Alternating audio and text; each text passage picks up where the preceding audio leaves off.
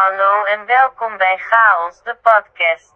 Ik ben Carlotta en er is van alles mis met mij. Paniekaanvallen, ADD, tinnitus, depressie, windningsangst, prikkelbare darmsyndroom, etc. Kort samengevat. Mijn leven en hoofd zijn chaos. Welkom bij de vijfde aflevering, denk ik.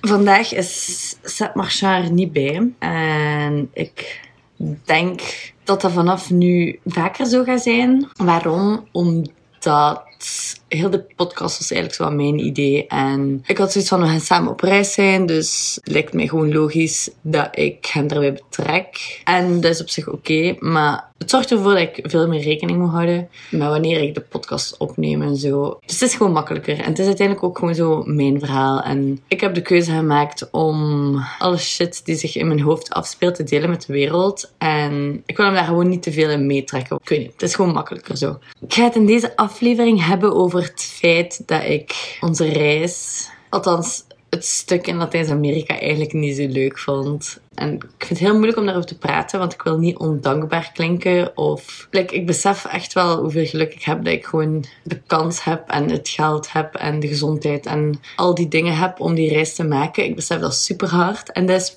volgens mij net wat ik zo frustrerend vind. Dat ik dat allemaal besef, maar dat ik toch, desondanks al die dingen, er toch niet echt van kunnen genieten heb. En begrijp me niet verkeerd, hè. Er zijn superleuke momenten geweest deze reis. En er zijn, ik heb superleuke dagen gehad in Latijns-Amerika. Maar over het algemeen heb ik me echt heel kut gevoeld. En het probleem met mij is een beetje dat een keer dat ik zo in een negatieve spiraal terechtkom, dat het heel moeilijk is voor mij om daaruit te geraken. Wat dus eigenlijk letterlijk gewoon depression in een nutshell is. En ja, dat is super kut gewoon. Het ding is, heel mijn verleden met depressie en zo, ik wil daar ik heb dat denk ik al gezegd in de eerste aflevering. Ik wil daar heel graag een aflevering over maken, maar het is heel persoonlijk, heel complex. Ik wil daar heel goed over nadenken voordat ik die aflevering opneem. En ik wil zorgen dat ik de juiste woorden gebruik en dat ik het zo helder en duidelijk mogelijk communiceer. En vandaar dat ik dat zo'n beetje heb zitten uitstellen. Maar ik moet er wel echt keer werk van maken. Want ik heb het gevoel dat alles wat ik nu zeg en waar ik nu sta in mijn leven en hoe ik nu ben, dat dat zo hard beïnvloed is geweest door mijn periodes waarin ik me slecht heb gevoeld. Dus ik denk dat alles gewoon zoveel meer sens zou maken. Maar again, ik wil er gewoon echt mijn tijd voor nemen. Maar het punt is dus eigenlijk dat ik mij redelijk kut heb gevoeld. Ben ik aan het opnemen? Ja. Voor het grootste deel eigenlijk van onze reis tot nu toe. En ik wist niet zo goed waarom.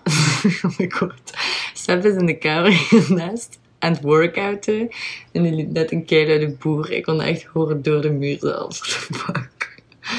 Ehm, waar zat ik? Ja, bon, dus als ik me zo kut voel, er is altijd wel reden. En soms is de reden heel duidelijk en is handig, omdat je dan ook perfect weet hoe dat je het probleem kunt oplossen. Allee, of toch makkelijker. Maar soms is de reden niet zo duidelijk. En dat is fucking kut, want je kunt geen probleem oplossen als je niet weet wat de oorzaak is. En dat had ik nu een beetje. En ik heb er dus heel veel over gepraat. Vooral met Seb eigenlijk, maar ook met andere mensen. En ik heb uiteindelijk zo een soort van lijstje of zo met alle redenen waarom ik niet echt heb kunnen genieten van Latijns-Amerika. En ik dacht dat dat gewoon wel interessant kon zijn om dat te delen. Gewoon omdat ik heb het gevoel dat als mensen op wereldreis gaan, dat je altijd zo de positieve dingen ziet. En er zijn sowieso positieve dingen. Ik heb heel veel leuke momenten gehad en heel veel leuke dingen gedaan. Maar dat is gewoon niet hoe dat bij ons is gegaan. En, en ik denk gewoon dat we daar eerlijk moeten zijn. En ik vind het ook gewoon interessant voor mezelf om al die redenen zo te kunnen opsommen, omdat mij dat gewoon al helpt. Omdat die ding is, al deze redenen zijn wel zo... Ik heb er heel veel uit geleerd. Ze lijken nu misschien gewoon zo een beetje oppervlakkig of zo, maar er zit daar heel veel achter. En dat zegt heel veel over hoe ik ben als persoon en waar ik momenteel nood aan heb in mijn leven. Dus de eerste reden was de manier van reizen. Eerst en vooral gaat het over het feit dat ik zo de klassieke manier van reizen van de meeste mensen eigenlijk niet goed snap. Ik heb het gevoel dat heel veel mensen als ze op reis gaan, een soort van lijstje maken of zo opzoeken op Google van oké, ik ga bijvoorbeeld naar Frankrijk of naar Parijs. Wat zijn de top 10 dingen om te doen in Parijs? Dat ze dat lijstje dan gewoon afgaan en dat dat dan een succesvolle reis is geweest of zo. Maar ik ben letterlijk de definitie van een overthinker en ik alles wat ik doe moet een reden hebben en een purpose en iets van waarde of van betekenis. Dus ik had al voor de reis was er ook over aan het nadenken van oké, maar wat wil ik uit deze reis halen? Qua planning en zo en qua bestemmingen en activiteiten hadden we totaal geen plan, maar ik had wel zo al een beetje voor mezelf uitgemaakt van wat wil ik hieruit halen. En ik snap gewoon soms niet hoe dat mensen, bijvoorbeeld als ze naar Parijs gaan en dan obviously als je online checkt van wat moet je doen in Parijs, moet je de Eiffeltoren bezoeken. Dan ze dan naar de Eiffeltoren gaan, letterlijk twee selfies nemen of duizend selfies om die dan op Instagram te kunnen droppen en om dan weg te gaan. En dan zo'n hele reis. En dan achteraf kunnen zeggen van, oké, ik ben daar en daar en daar geweest en ik heb daar en daar en dat gezien. En dat is iets waar ik niet kan inkomen, want in mijn hoofd moet er altijd zo een waarde of zo aan gekoppeld zijn. Like, als ik nu ook terugdenk aan mijn leukste momenten op verschillende reizen zijn dat ook altijd momenten waar een waarde aan gekoppeld is. En ik denk niet dat dat niet samen kan gaan, maar gewoon zo puur het idee van, oké, dit is nu de Eiffeltoren en ik trek drie foto's mee en daarna ga ik weg. Ik kan dat niet doen. Ik vind dat doesn't make sense to me. Daar, daar heeft niks van waarde voor mij. Dus ik wist sowieso dat ik niet zo'n reis zou doen. Maar het ding was, Seb en ik hadden ook voor de rest totaal niet besproken. Oké, we hadden dus geen plan als in van wat gaan we doen en waar gaan we naartoe. Maar we hadden ook dus niet besproken wat onze verwachtingen waren van deze reis. En ik denk dat ik geen verwachting had op vlak van activiteiten en bestemmingen, maar dat ik wel een soort van verwachting had van hoe dat ik mij ging voelen op reis. En het feit dat dat niet overeenkwam, ik had het daar heel moeilijk mee, denk ik. En het feit gewoon dat Sepp en ik dat niet besproken hadden op voorhand, van wat is eigenlijk uw intentie van deze reis, dat, heeft, dat was op zich geen drama of zo, maar dat heeft wel voor heel veel problemen gezorgd in het begin. Want het ding is, mijn idee van deze reis was echt zo om te detoxen. Ik had letterlijk net ontslag genomen van mijn werk, omdat ik de chaos in mijn leven niet aankon en de druk. En ik was echt heel veel aan ik had zoveel aan mijn hoofd, ik wist niet wat ik wou doen en ik voelde me zo verloren. En mijn idee was echt zo om rust te vinden, om alles waar ik normaal geen tijd voor heb thuis, om dat op reis te doen. Dus meer koken, stretchen, weet ik veel, yoga, zo die shit. En Seb zijn idee was, oké, we gaan naar een plaats waar we misschien nooit meer gaan komen. We gaan alles wat hier te doen valt, gaan we gewoon doen. Dus dat is een heel ander idee van reizen, uiteraard. En ik vond het super leuk wat we aan het waren, maar ik had wel echt het gevoel dat ik niks aan het bereiken was. En dat ik, ik had het gevoel dat ik nog steeds geen tijd had om de dingen te doen waar ik thuis ook geen tijd voor had. Dus we hebben daar heel veel over gepraat en we hebben daar echt een goede balans in gevonden. Dus dat is op zich wel oké. Maar dat was dus wel echt een van de grootste redenen, denk ik, waarom ik me niet zo goed voelde. Um, de tweede is dat wij heel veel verplaatsten. Onze regel was zo van, we gaan ongeveer vier dagen op hotel of uh, op apart, allez, zo'n Airbnb. We hadden die regel omdat je weet op voorhand nooit echt hoe dat daar gaat zijn.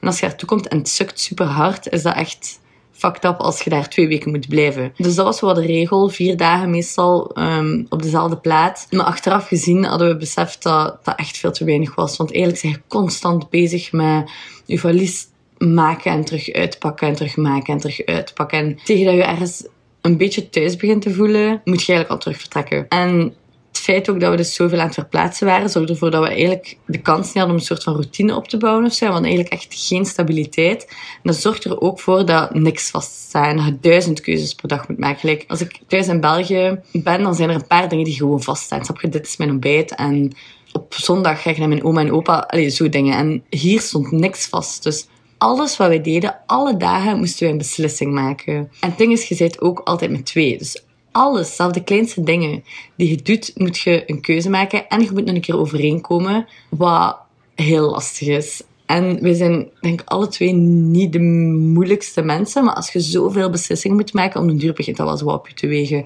En daar kwam nog een keer bij dat wij 24 op 7 bij elkaar waren. En dan begint je inderdaad zo te muggenziften over letterlijk onbenulligheden. En ik heb het gevoel dat dat heel veel druk op onze relatie zette. En ik ben een persoon, ik kan niet tegen ruzie maken. Ik kan dat echt niet aan. Dus vanaf ik vanaf iemand boos is op mij, of vanaf ik ruzie heb met iemand of zo, ben ik echt zo... Ik vind dat vreselijk. Ik, dat gaat niet in mijn hoofd. Dus ah, dan begon ik alles in twijfel te trekken. Was ik zo van, oh my god, dat is echt niet gezond. En was deze reis wel een goede keuze? En bla bla bla. En dat komt 100% omdat ik nooit een deftig voorbeeld heb gezien van hoe een gezonde relatie werkt. Omdat mijn ouders gewoon altijd ruzie maakten. Dus ik ben super getriggerd. Vanaf ik zo ruzie maak, ben ik zo red flags. Maar ik heb ook echt wel moeten aanvaarden dat het wel echt gewoon oké is om af en toe ruzie te maken. Afhankelijk van de manier waarop kan dat zelf gezond zijn, volgens mij. Maar bon, daar hebben we dan ook heel veel over gepraat. En een van de oplossingen was wel om elkaar wat meer tijd te geven en wat afstand te nemen soms. En ik ben een persoon die daar sowieso heel veel nood aan heeft. Ik ben heel graag alleen en ik zei het u 24 op 7 met iemand samen zijn.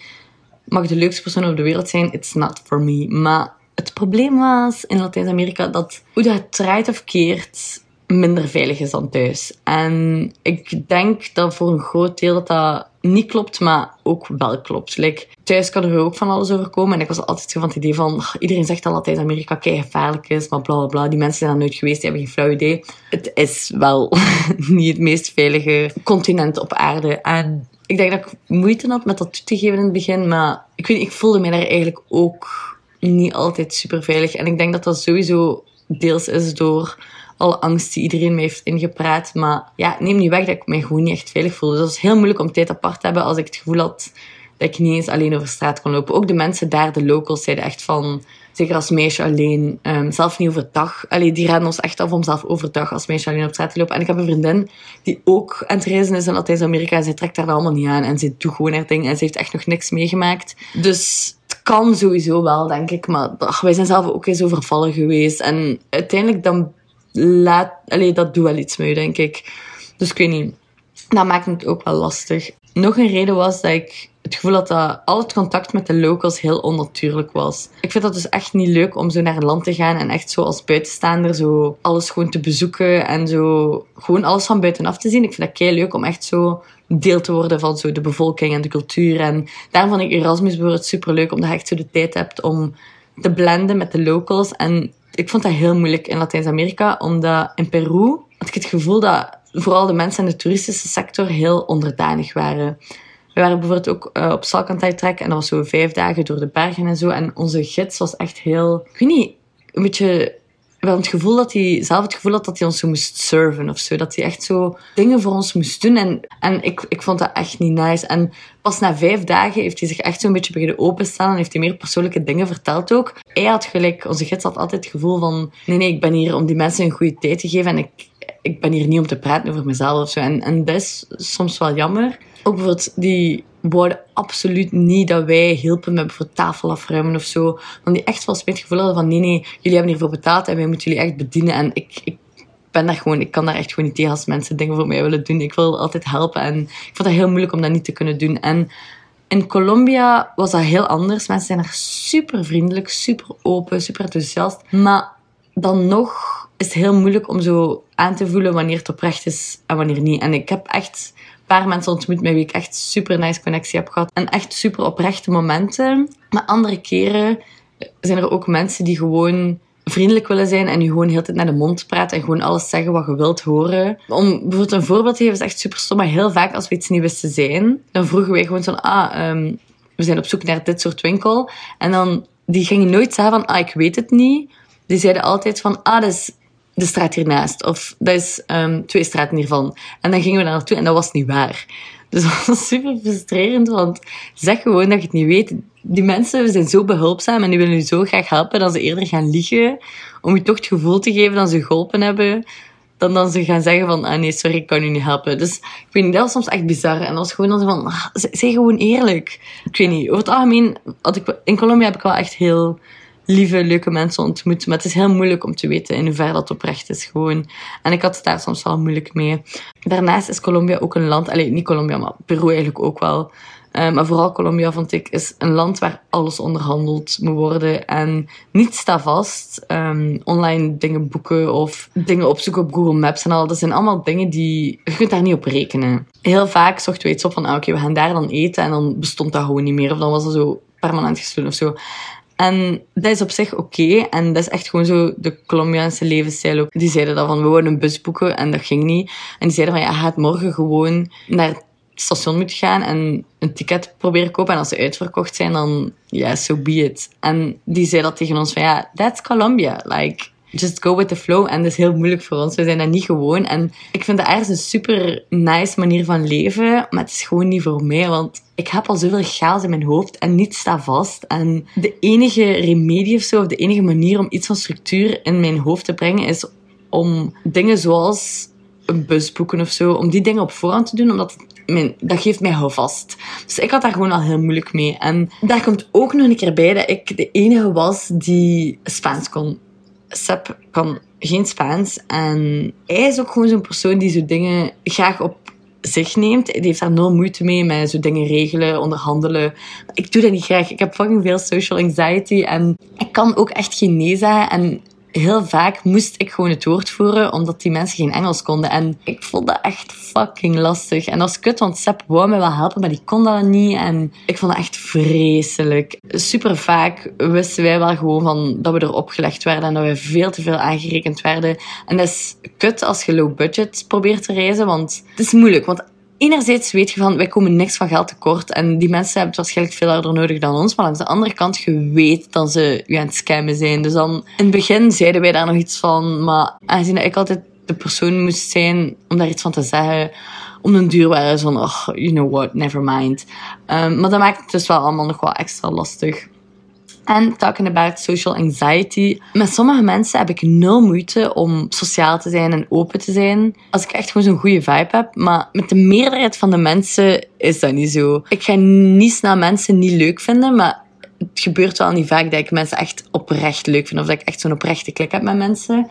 Dus tijdens reizen zijn uw vriendschappen super oppervlakkig. En alle gesprekken zijn super oppervlakkig. Waar komt je? Hoe lang zijt het reizen? Bla bla bla, dit en dat. En ik kan heel goed faken alsof dat ik goed ben in zo'n gesprekken. Maar eigenlijk vergt dat wel heel veel energie van mij. Ik kan er gewoon niet tegen als een gesprek awkward wordt. Dus vanaf er zo stiltes komen of zo, praat ik gewoon heel veel. En ik ben wel heel vlot. En ik kan er wel gewoon voor zorgen dat het gesprek niet stilvalt. Maar dat, dat is heel lastig voor mij. En ik was soms echt uitgeput. Als we in een hostel zaten, om altijd zo fake vriendelijk te moeten zijn en zo fucking lame conversaties te moeten voeren. Zeker als je je niet goed voelt, snap je? En dat is heel lastig, want langs de ene kant zei ze van, ik voel me niet goed, dus ik moet meer dingen doen die leuk zijn, zodat ik mij terug goed kan voelen. Maar dat is niet zo simpel. Want je doet dan dingen die je leuk zou vinden normaal gezien, maar door het feit dat je niet goed voelt, vind je die dingen niet leuk. Dus het is eigenlijk een soort van rare, vicieuze wisselwerkingscirkel. En like, nu vind ik dat zelf ook raar. Als ik nu van nadenk, snap ik niet waarom ik dat zo lastig vond. Maar gelijk, omdat ik nu, nu voel ik me veel beter. En nu ben ik zo van, it's not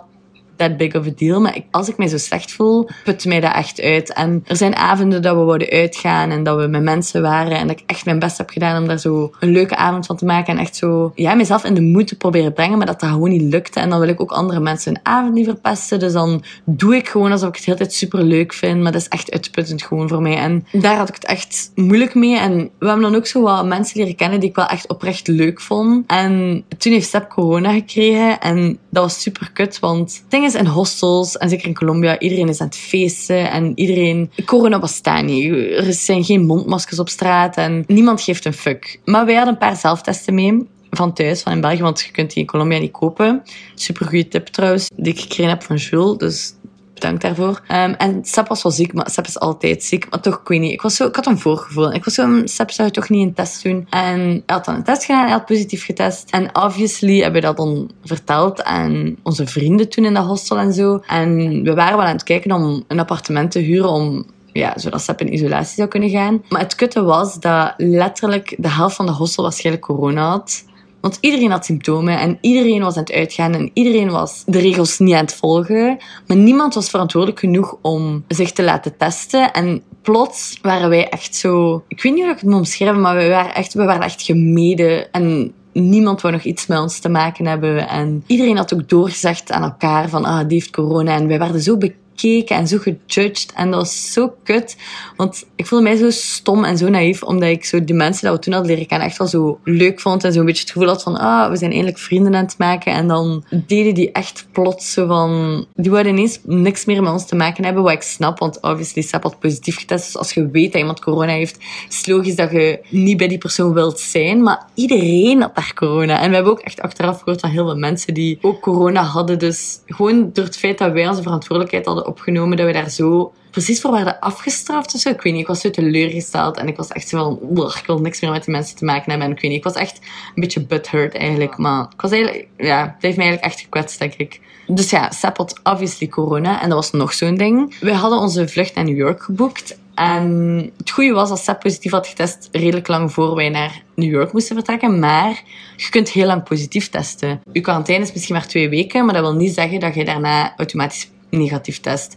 Dus wij hadden een certificaat nodig waarin stond dat Sepp corona had gehad, dat zijn quarantaine had gedaan en dat hij genezen was. Het probleem was dat niemand in heel Colombia wist waarover dat we het hadden. We zijn naar meerdere ziekenhuizen gegaan, naar meerdere mensen gebeld, op internet opgezocht en niemand wist waar we het over hadden. En dat is zo frustrerend. Like, heel die levensstijl van go with the flow en geen zorgen. Super chill. Maar als je, als je iets gedaan moet krijgen of als je een document nodig hebt, is dat fucking frustrerend. En uiteindelijk, toen dat SAP corona had, zaten we in Medellin en toen zijn we naar Bogota gegaan, naar de hoofdstad. En daar hebben we wel zo'n certificaat kunnen fixen. Maar de stress dat dat met zich heeft meegebracht, was enorm. En ik zei daarnet dus dat mijn doel van deze reis was om rust te vinden en te stretchen en om te lezen. En het is gewoon onmogelijk in die omstandigheden. Tenzij dat je gewoon al inboekt aan een nice strand en gewoon hele dagen u afsluit van de gewone wereld. Maar dat is ook niet wat we willen doen, dus vandaar. En dan de grootste reden volgens mij is denk ik dat ik, voor ik vertrok op reis, had ik eindelijk zo'n beetje het gevoel, buiten het feit dat ik mijn werk dus absoluut niet leuk vond, waar ik trouwens ook heel graag een aflevering over wil maken. Maar ik weet niet goed wat ik ermee ga doen, want ik wil ook niet slecht praten over het bedrijf waar ik werkte of zo, maar heel veel dingen die ik daar heb meegemaakt zijn eigenlijk echt niet oké. En bon, los van het feit dat ik mijn werk niet leuk vond, had ik wel het gevoel dat ik,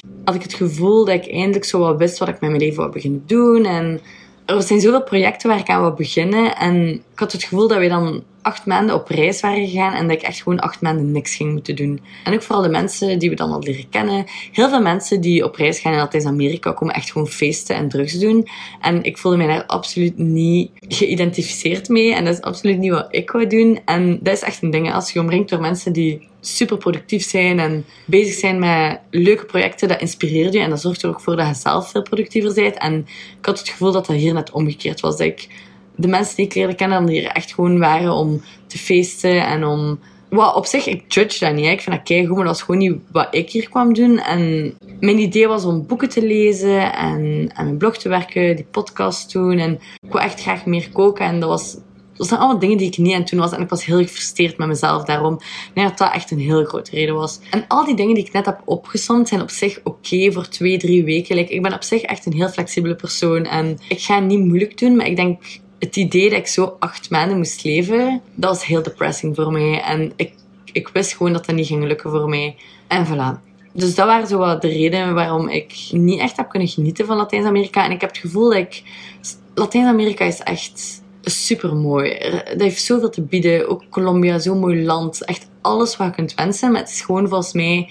Het was gewoon niet het juiste moment in mijn leven om naar zo'n onstabiel land te reizen.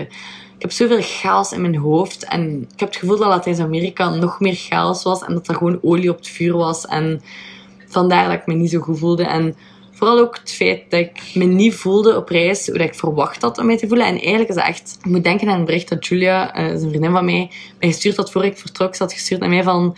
Laat u niet te veel onder druk zetten van de gedachte dat het de reis van je leven wordt. Just take it easy and enjoy the present. En dat toont alleen maar hoe goed dat ze mij kent. Want zij wist precies al op voorhand druk ik op mezelf ging leggen. En dat is keigoed advies. En ik was daar op zich ergens al op voorbereid van, je mocht geen verwachtingen hebben, bla bla. Maar het is volgens mij bijna onmogelijk om geen verwachtingen te hebben. Het goede is wel dat Sepp en ik hebben daarover gepraat. En hij had zoiets van, kijk, jij wilt sowieso naar Chicago gaan. En ik heb het gevoel dat Noord-Amerika veel meer je ding gaat zijn. Er is veel meer, veel meer stabiliteit. Misschien moeten we gewoon vroeger naar Noord-Amerika gaan. En door dan die extreem hectische vlucht van de vorige aflevering, zijn we uiteindelijk vroeger naar Noord-Amerika gekomen. En we zijn er nu ongeveer tien dagen.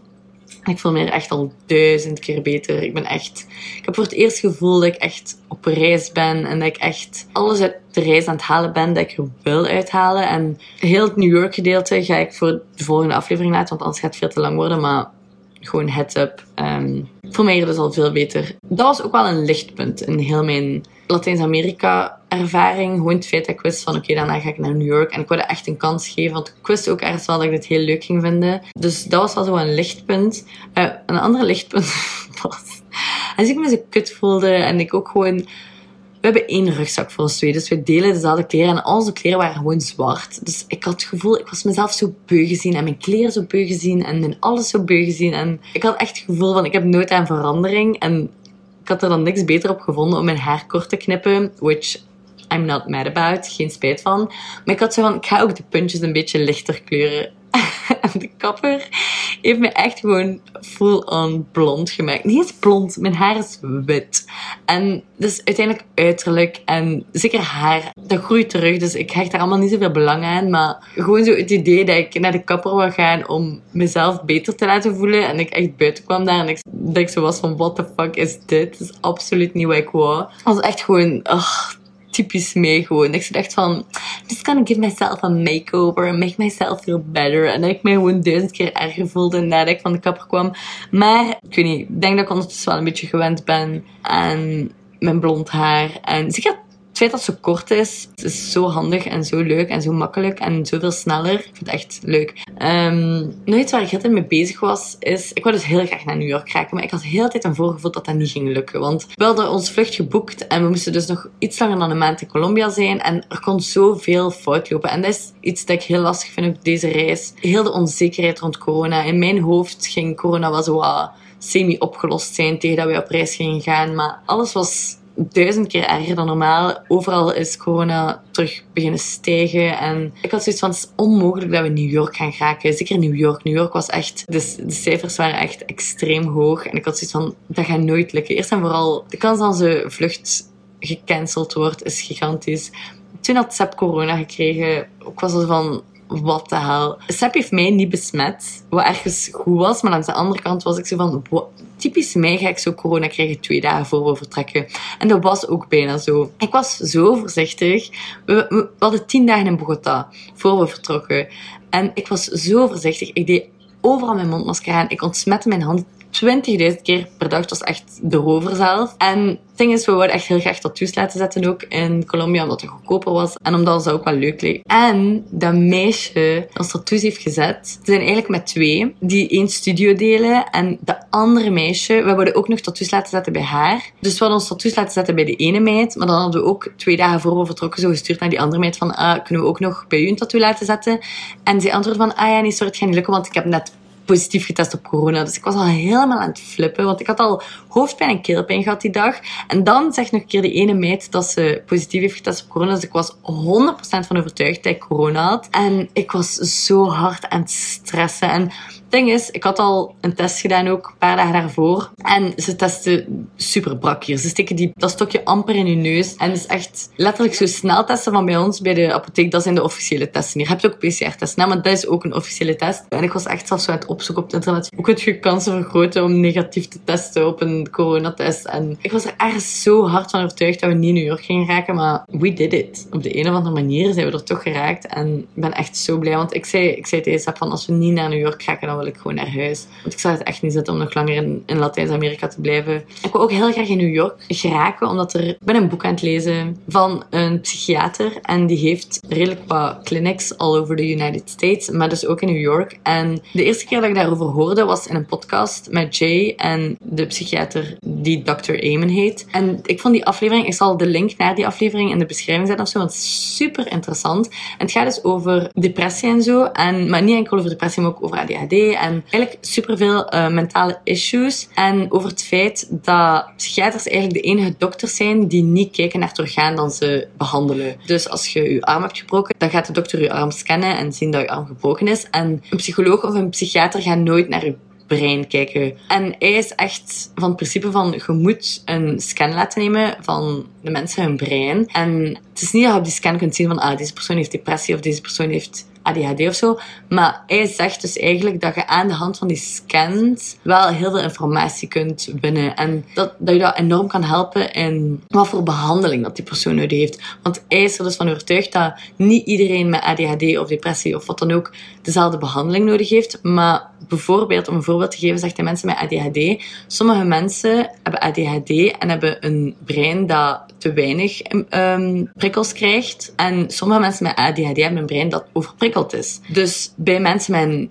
overprikkeld brein moet je ervoor zorgen dat zij minder prikkels krijgen. Terwijl met mensen met een onderprikkeld brein, die moeten net meer prikkels krijgen. Maar het is zo fout als je dat niet bekijkt op een scan en je geeft bijvoorbeeld iemand die eigenlijk minder prikkels nodig heeft, geeft je net meer prikkels door bijvoorbeeld medicatie te geven of wat dan ook. Snap je, dan behandelt je die persoon op een compleet verkeerde manier en maakt je eigenlijk het probleem alleen maar erger. Ik weet niet, alleszins, hij is een dokter, hij is expert, ik kan het veel beter uitleggen dan mij, dus ik ga de aflevering droppen. Ik was dus ook dat boek aan het lezen en hoe meer dat ik erover las, hoe meer overtuigd dat ik was van heel zijn gedoe. En ik was legit aan het overwegen om mijn brein dus te laten scannen. Het ding is, zo'n scan kost 4000 euro. Letterlijk, naast het budget voor deze reis, de helft is van mijn spaargeld dat ik over heel mijn leven bij elkaar heb gespaard. En ik was echt aan het overwegen om dat te doen, maar ik vond dat zo eng, want ik was zo, was niet weg.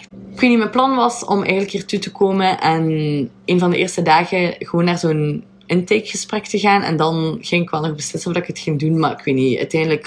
Ik ben er al zo van afgestapt, omdat ik gewoon... Het is heel veel geld en... Dat is eigenlijk typisch mij. Op het moment dat ik me dan beter voel, ben ik zo van... Ah nee, het is niet nodig of zo. En ik voel mij nu veel beter. Dus ik was van, ja, nee, misschien is het toch niet nodig. En I feel fine. En het gaat echt wel best oké met mij. Maar snap je, momenten dat ik me dan niet oké voel, dan gaat het echt heel slecht met mij. En het probleem is dat hij heel terugkomt. En dat ik altijd denk van, ah nee, maar nu is het oké met mij. I'm fine. Maar ik weet niet, deep down weet ik dat ik het eigenlijk wel zou moeten doen. Maar het is gewoon heel veel geld. En ik heb dat geld momenteel. Ik heb dat geld momenteel wel. Maar het is gewoon een heel groot risico. En ik heb uiteindelijk... Ik heb al gepraat denk ik over die podcast dat ik zo nice vind On Purpose van Jay Shetty. En ik sta daar echt 100% achter. En ik heb nog nooit zoveel gerelate mijn podcast in heel mijn leven. En met gewoon Jay in het algemeen, zijn manier van leven en zijn manier van de dingen zien. Ik sta daar zo hard achter. Um, ik ben het punt van mijn verhaal kwijt.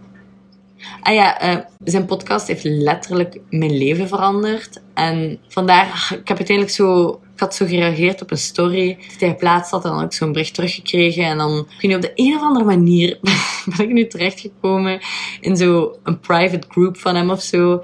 Waar je zo aan jezelf kunt werken met de hulp van zijn team en met de hulp van andere mensen die ook. Ik weet niet, het is zo'n soort programma waarin dat zo wat ik weet het niet. Ik, weet eigenlijk zelf niet goed. Ik heb het echt allemaal niet goed bekeken. Maar althans, ik heb daar duizend euro voor betaald. Ik heb daar duizend fucking euro voor betaald. En ik weet niet of dat de beste beslissing in mijn leven is geweest of de slechtste. Maar het heet ik ga het hier opzoeken. Het heet Live Your Passion. En het gaat erover hoe dat je... Het is eigenlijk een soort van cursus hoe dat je eigenlijk van je passie je werk kunt maken. Ik weet niet. De dag dat ik mij ervoor heb ingeschreven, had ik echt het gevoel dat dat de beste beslissing van mijn leven was. Maar nu ben ik zo overwhelmed, want ik zit zo in een groep en ik krijg duizend mails en er is zoveel informatie. En ik ben zo, ah, en er zitten echt nog veel mensen in die groep ook. Dus ik ben zo, wat is dit? Dus ik weet niet, ik moet allemaal een keer goed bekijken. Dus ik weet niet of ik het, ik weet niet of ik een goede beslissing heb gemaakt of dat dat letterlijk duizend euro in de vuilbak was. Maar ik zal jullie up-to-date houden. En ik weet niet, ik wil ooit sowieso wel mijn brein laten scannen door Dr. Amen. Ik weet niet, luister eens naar die podcast of lees dat boek eens als jullie er zin in hebben. En laat mij weten wat je ervan vindt. Of dat je dat een total scam vindt. Of dat je kunt relaten. En of dat je het weggesmeten geld zou vinden om 4000 euro te geven om je brein te laten scannen. I don't know. I'm just... Ik weet echt soms niet wat ik moet doen. Maar bon, um, als sinds conclusie, het gaat veel beter met mij. Um, New York has been amazing so far. En in de volgende aflevering ga ik sowieso wel meer vertellen over hoe dat hier is in New York. En ja, ook twee afleveringen die ik sowieso nog moet doen soon is één over heel mijn depression verhaal en twee over mijn werk. En eigenlijk nog een aflevering die ik heel graag wil doen is over mijn stage in Spanje. Want op de een of andere manier kom ik altijd op van die fucked up plaatsen terecht met fucked up werkgevers. En... goed, Carlo. Hou nu maar gewoon je bek. Bedankt voor het luisteren en tot in de volgende aflevering.